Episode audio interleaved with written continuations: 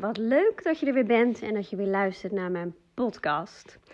Zojuist heb ik mijn uh, spulletjes lekker in de auto gezet. Het is vandaag vrijdag. En uh, we gaan dit weekend een weekendje weg. We gaan lekker met, uh, met z'n zessen. Met de kinderen erbij gaan we naar Zeeland. En we hebben er echt super veel zin in. Beetje jammer natuurlijk dat het weer ja, nu een beetje af laat weten. Al mag dat natuurlijk de pret niet drukken. Het is oktober. Wat verwacht je? En uh, ja, het is eh, Zeeland, het is de kust. Sowieso hebben we daar de meeste zonuren, dus wie weet houden het een beetje droog. Maar uh, ja, weet je, uh, met regen is het strand ook leuk. We hebben een binnenzwembad. We gaan vast nog wel een keertje bowlen. We gaan er gewoon een feestje van maken. We hebben een mooi huisje, uitzicht op zee. Dus ik ben erg, ja, ik heb er erg veel zin in. Maar goed, uh, daar gaat deze podcast natuurlijk helemaal niet over. Maar goed, ik, uh, ik merk dat ik het bij andere podcasts ook altijd leuk vind als ze nog een beetje een introductie doen, wat ze doen. En uh, ja, dan heb je ook het gevoel dat je mij een beetje leert, leert kennen. Dan weet je wie, wie dit vertelt. Ik heb mijn microfoontje trouwens besteld. Deze neem ik dus nog op zonder microfoontje. Al zit ik niet in de auto. Ik ben lekker in mijn woonkamer. Ik zit op mijn bank.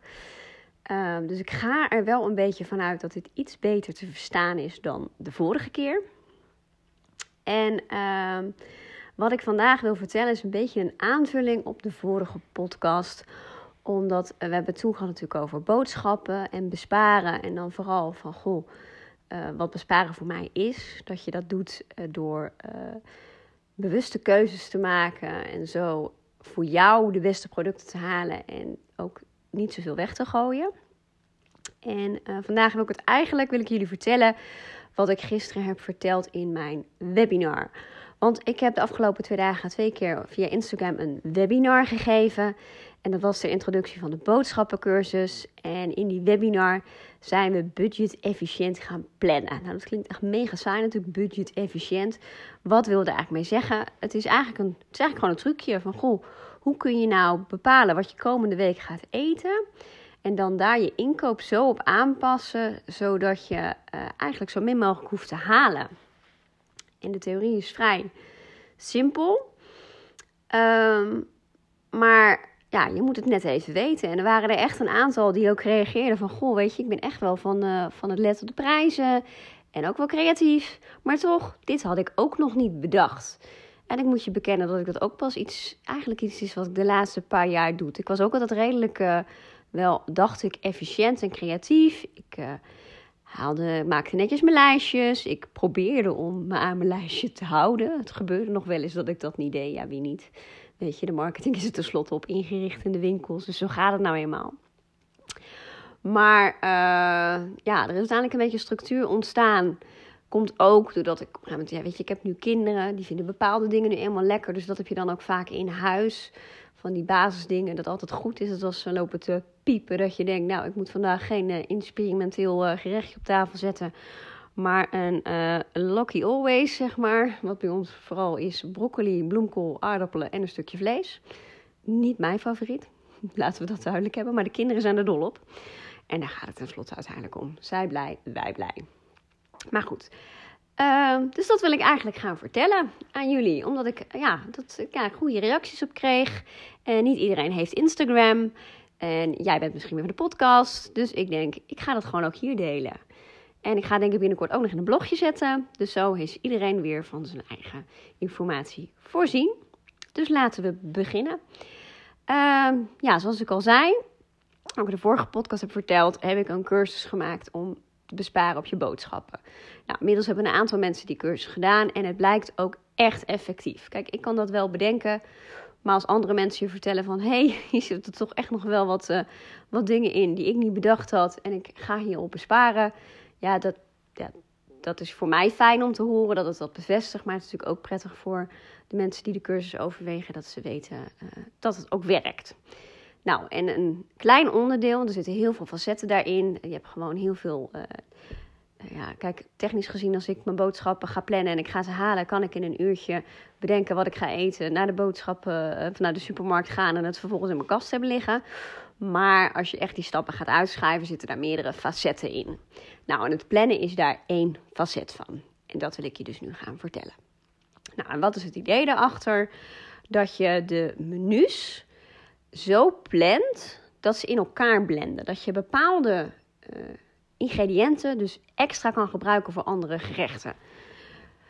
Uh, de meest makkelijk uit te leggen, dat is eigenlijk dat je ja, gewoon de dingen koopt waar jij zin in hebt. En dat je van alle restjes die er zijn aan het einde van de week of een prutje maakt of een soepje.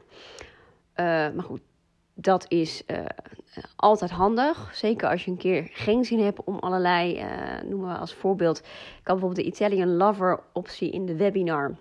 Nou, dat was dat we de ene dag maakten we pizza. Deden we met gevulde tomaten, met lekker champignonnetjes, kaas, kruiden. Nou, van de gezeefde tomaten heb je dan niet zoveel nodig. Dus die gebruikte ik dan vervolgens weer voor de spaghetti bolognese de dag daarna. En ik gooide het in de tomatensoep de dag daarna. De tomaten van de spaghetti bolognese gingen ook weer in de soep. Net als het gehakt, want ja, 500 gram gehakt gooi ik niet in de bolognese. Dat vind ik echt te veel. En vroeger deed ik dat trouwens wel, maar ja, ook ik probeer daar iets duurzamere keuzes in te maken. Niet eens alleen voor de portemonnee, maar ook gewoon voor de diertjes. Vegetarisch zal ik nooit worden. Maar er bewust mee omgaan, ja, dat, dat vind ik inmiddels echt wel een goed idee. Dus uh, ja, een restantje van het gehakt gaat in de ballen in de soep. Want soep zonder ballen, ja, dan kom ik hier gewoon niet meer weg. Bij de kinderen, dat kan echt niet. Uh, dus dat gaat dan daarin. De champignonnetjes, ja, ook die gaan eigenlijk overal in. Want op de pizza, ja, ga maar twee champignonnen. Als ik ze in plakjes snijd, nou dan is eigenlijk mijn pizza al bedekt. Nou, mijn twee dochters en ik eten samen twee pizza's. Dan halen wij de Magioni pizzabodems van... Uh, nee, ik moet goed zeggen, de bloemkool pizzabodems van Magioni. Zo is het, ja. En uh, wat gaat er nu in de pizza? Oh ja, de geraste kaas. Nou, die gaat natuurlijk ook nog lekker over de uh, spaghetti bolognese. Dus dat verdeel ik over die twee gerechten. Ja, dat eet ik dan uiteindelijk niet meer bij de soep. Maar mocht je nog wat over hebben, is het ook heerlijk om het op een stokbroodje te gratineren in de oven en dat bij je soep te eten. En uh, dus zo, het idee is dus meerdere ingrediënten die je over meerdere gerechten kunt gebruiken. Maar als jij nou denkt, ja, dat is leuk, Steve, maar uh, drie dagen tomaten, die tomaten komen mijn neus uit, man. Zo leuk vind ik het nou ook weer niet. Ja, kijk, dan kun je er natuurlijk voor kiezen om te zeggen: ik eet één dag spaghetti bolognese, ik eet een één dagje kipcurry met kokossaus. En de vierde dag eet je een uh, aardappelvlees groente. En van alles wat je overhoudt, knik je dat uiteindelijk in de soep of in een prutje. Maar dat is eigenlijk in een notendop de basis. Nou, ik heb je de Italian Lover als voorbeeld al gegeven. Ik noem het Italian Lover, ja, zo heette het bij die webinar. Maar het is gewoon drie Italiaanse gerechtjes. Uh, dan had ik nog een vegetarische versie. En dat was, dan moet ik even uit mijn hoofd putten, want ik heb mijn aantekeningen nu niet bij me. Maar dat was uh, kastanje risotto, kastanje champignon risotto. Wat je uiteraard ook natuurlijk kan maken met een hele paddenstoelen mix. Net wat je lekker vindt.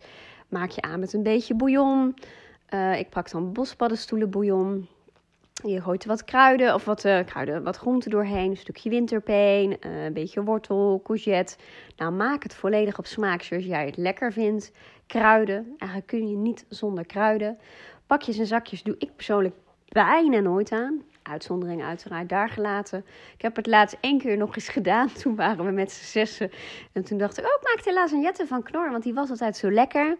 Ja, inmiddels ben ik er zo vanaf. Dat wij, dat ik had het gemaakt. En ik kreeg ook echt van vijf gezichten naar me toe. En eigenlijk was ik het zesde gezicht als een spiegel erbij gehad. En die dachten, ja, het is toch niet helemaal meer wat ik ervan verwacht had. Nee, het, eh, ja, het is net wat je gewend bent. Maar de zakjes komen er bij mij niet meer in. En dat scheelt echt geld. Uh, dus dan gaat er bouillon en kruiden gaan erin. Kastanje risotto. Uh, vervolgens heb ik de dag erna, werd het een tagliatelle van courgette. Want een beetje courgette ging in de risotto. Maar er bleef heel veel over. Daar maakten we tagliatelle of een spaghetti van. Er gingen dan linzen en geitenkaas doorheen. Het was een receptje wat ik van Albert Heijn had gepakt. Ik ben zelf niet vegetarisch, dus ik ben daar niet heel erg in thuis. Maar ik wilde wel ja, ook de vegetarische uh, luisteraars en in dat geval kijkers tegemoet komen. En de vierde dag werd ook een soep. Dat werd een champignon paddenstoelensoep met courgette en lekker brood met een beetje kaas eroverheen. Ja, als je veganistisch bent kun je er natuurlijk vegan kaas overheen doen. En zo zie je weer hoe het, uh, ja, dat, dat, dus eigenlijk zit er elke keer een soort themaatje in. In dit geval is het dan meer de, de champignons en de courgette. Die komen op meerdere dagen terug. Dan had ik nog een voorbeeldje met een gewoon, ja gewoon, ik noem het gewoon, maar wat een beetje doorsnee Nederlands uh, menu is. Dus dat was een dag uh, met stampot. Nou, wat vind ik lekker is een stampot met prei en lekkere oude kaas. Eventueel een spekje kan erdoor, heb ik van de week niet gedaan. En daar had ik dan een stukje zalm bij. En uh, die prei die kan dan vervolgens weer in de derde dag. Want de derde dag maakte ik een Indian, nee niet een Thaise curry. Met currypasta. Die koop ik trouwens wel bijna altijd kant en klaar hoor. Heb ik zo'n potje gele currypasta, niet te pittig. En um, vervolgens had ik de tweede dag gevulde kipfilet, kippendijfilet wel te verstaan. Vind ik persoonlijk veel lekkerder. Haal ik altijd de scharrelversie. En uh, dat verdeel ik dan over twee dagen. Dus ik had uh, gevulde kipfilet met uh, broccoli of penenertjes, net wat je lekker vindt. En dan heb ik de aardappelen van de stampot op de eerste dag heb ik extra gekookt. En die heb ik vervolgens de tweede dag opgebakken. Want er is niks lekker als opgebakken aardappeltjes. En extra tip van mij: bak ze dan in olijfolie gecombineerd met bakboter. Dat uh, heb ik uh, van, van Stefan. Die is echt meester in aardappeltjes bakken. Ik probeer het na te doen. Het lukt wel. Vervolgens een beetje paprika kruiden erop. Ja, is echt heel fijn. Echt heel lekker. En dan smaakt het zelfs een beetje als patat. Althans, volgens mijn kinderen. Maar, uh, dus heb je de ene dag heb je een stampotje met een stukje zalm. met prei. Tweede dag heb je gebakken aardappeltjes met een groente naar keuze en gevulde kippendijfilet. Nou, die kippendijfilet kun je weer vullen met een kaas. Een van de geraspte kaas of wat parmezaanse ham. En de derde dag maak ik dan een kip curry met kokosmelk. De andere kippendijfilet. Gaan alle groenten die ik over heb. Ui, knoflook heb ik altijd wel in huis. Dus dat gaat uiteraard ook doorheen. En dan met rijst. Nou ja, ik hoop dat het een beetje duidelijk is wat uh, de bedoeling is van dit verhaal. Namelijk dat je je ingrediënten bewust kiest. Dus niet dat je denkt, nou, ik heb de ene dag zin in stampot. Ik heb de andere dag zin in rijst. Maar dat wordt echt een compleet andere rijst, wat niks te maken heeft. Vervolgens heb ik de derde dag, ga ik weer iets heel anders maken. Waardoor je dus voor elk gerecht aparte ingrediënten moet kopen.